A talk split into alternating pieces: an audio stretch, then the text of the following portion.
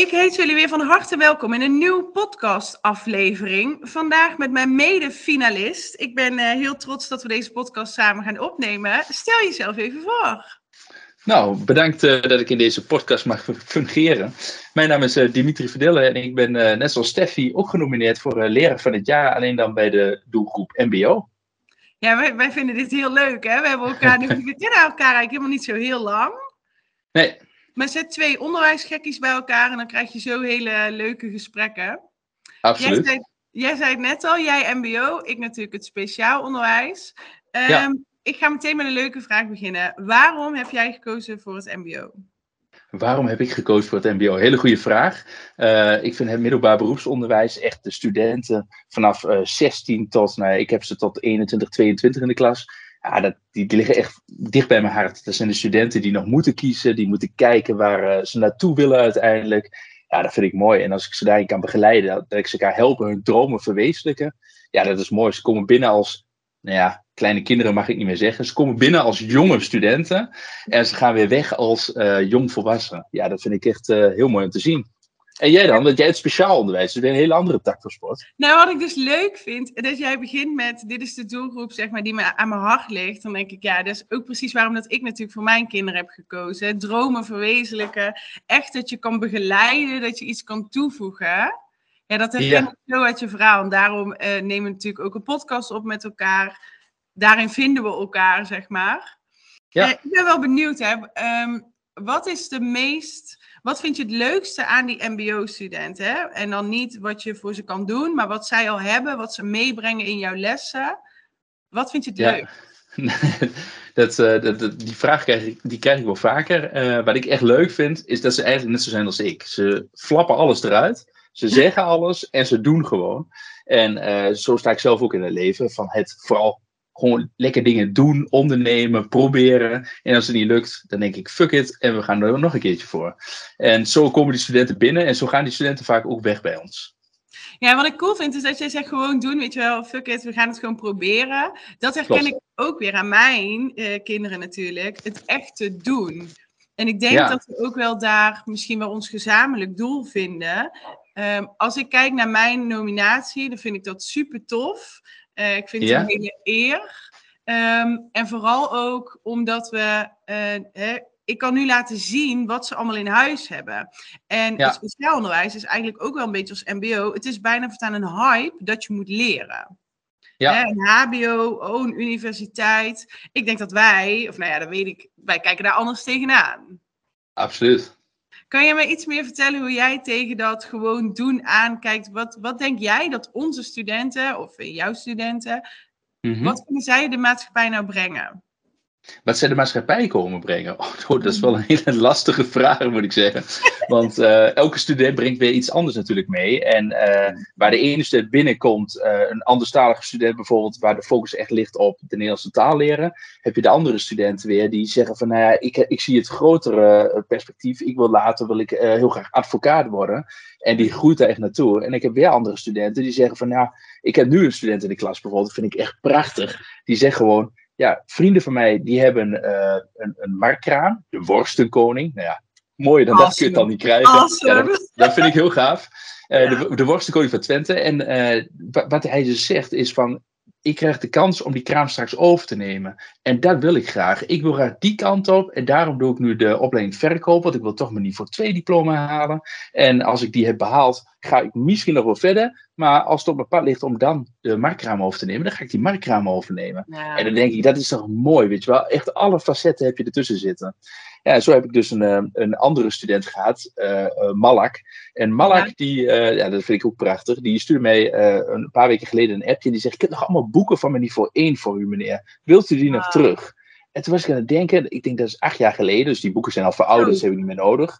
Dus ik zeg, ja, nou, die, die hebben wij niet meer nodig. Hij zegt, oké, okay, dan, dan kan ik ze weggooien. Ik zeg, ja, in principe wel. Of misschien kun je iemand anders blij mee maken. Zeg, maar wat doe jij tegenwoordig? En toen vertelde hij, ja, ik doe social works op het hbo op dit moment. En dan denk Ja, ik, ja, dat is toch geweldig. Ja, vet. Nou, Ja. en precies dat, hè. Ik krijg super vaak de vraag van, oh, pittig werk, nou, bla, bla. En dat, dat oké, is Ja. het soms. Maar wat ik vooral heel vet vind, is dat ik kan echt zien wat de toekomst in mijn klas is.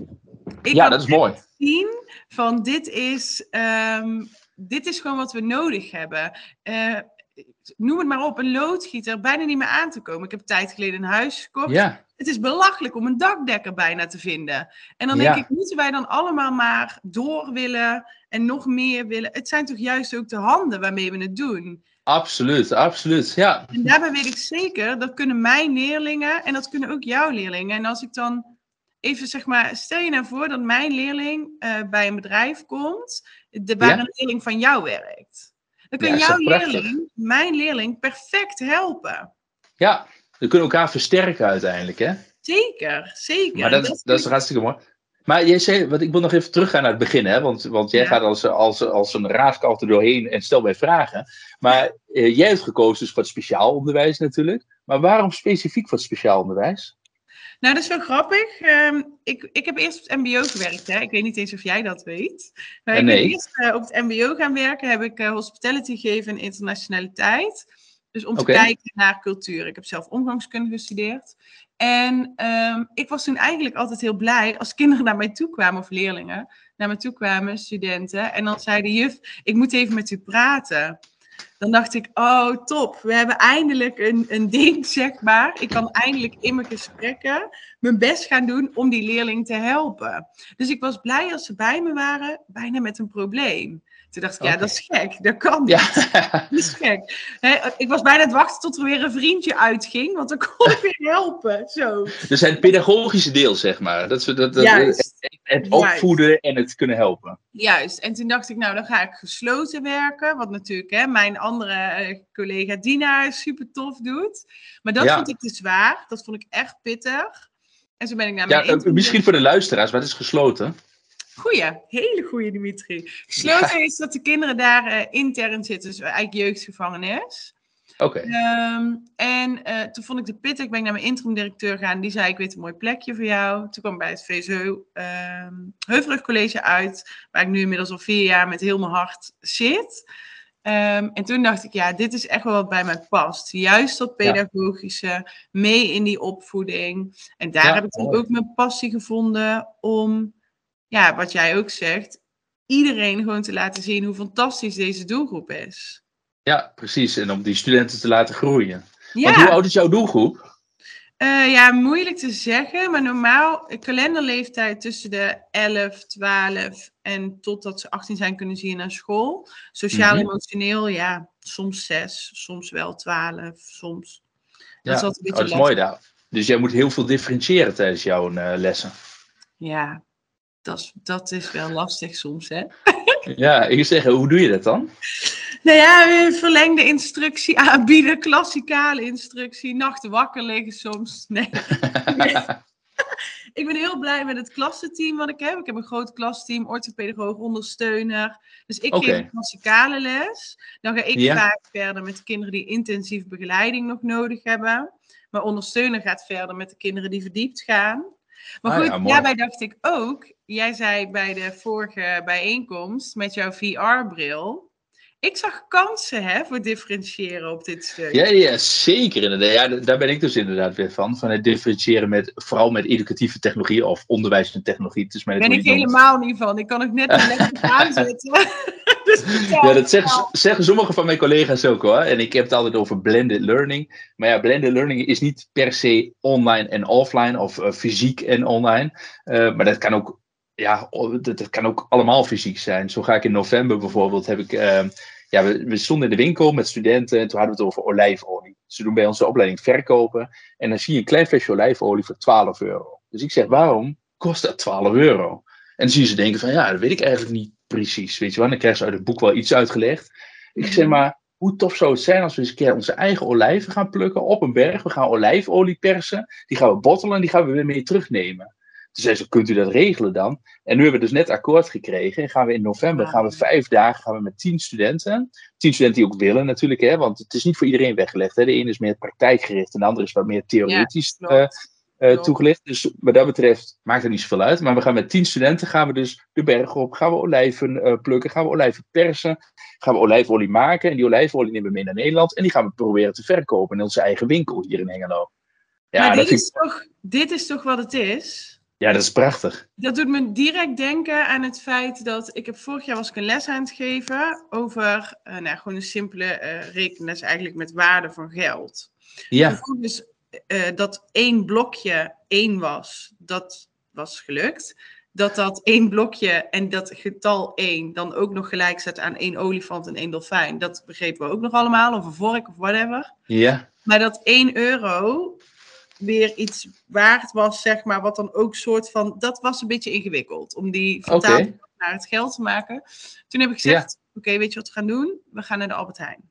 Ik had daar wel eerst, toch pedagoog, hè, moest een doel, ze moesten een doel behalen. Ze moesten Ja. netjes zijn tegen elkaar. Als ze dat zouden behalen, dan zouden we daarna naar de Albert Heijn gaan, mochten ze iets lekkers kopen Ja, Oké. hier op het bord gaan vertellen, nou hè, we kopen snoep, we gaan dat begroten. Vervolgens zijn we met dat lijstje en het geld naar de Albert Heijn gegaan.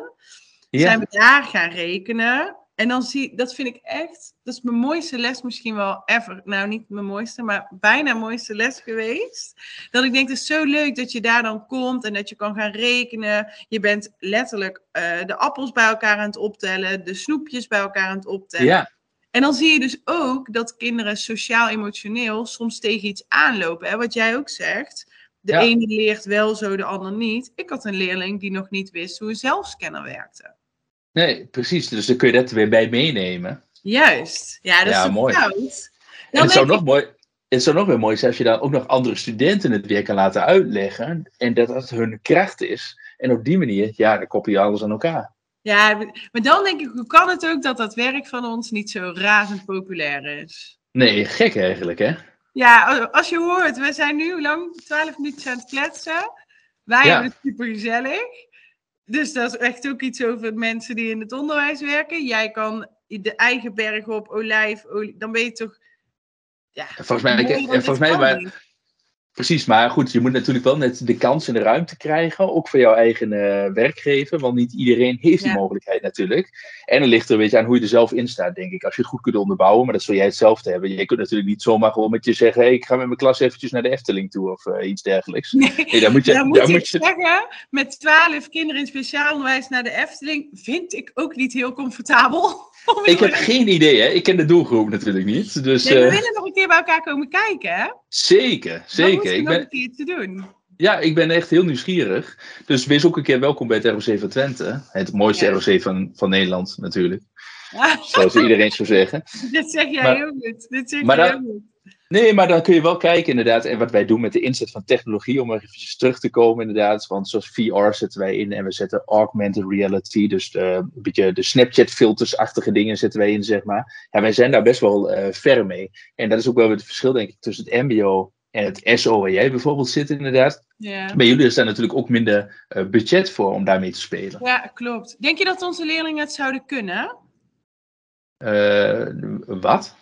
Met de, met de VR-bril en zo. Want onze, kijk, ik weet kinderen met eh, autisme bijvoorbeeld vinden het heerlijk om te gamen. En dat is heel simpel. Dat is een herhaaldelijke ehm, activiteit. Ja. Dus die kan heel makkelijk, als die één keer door de hersenen van A naar B is gegaan, kan dat heel makkelijk herhaald worden.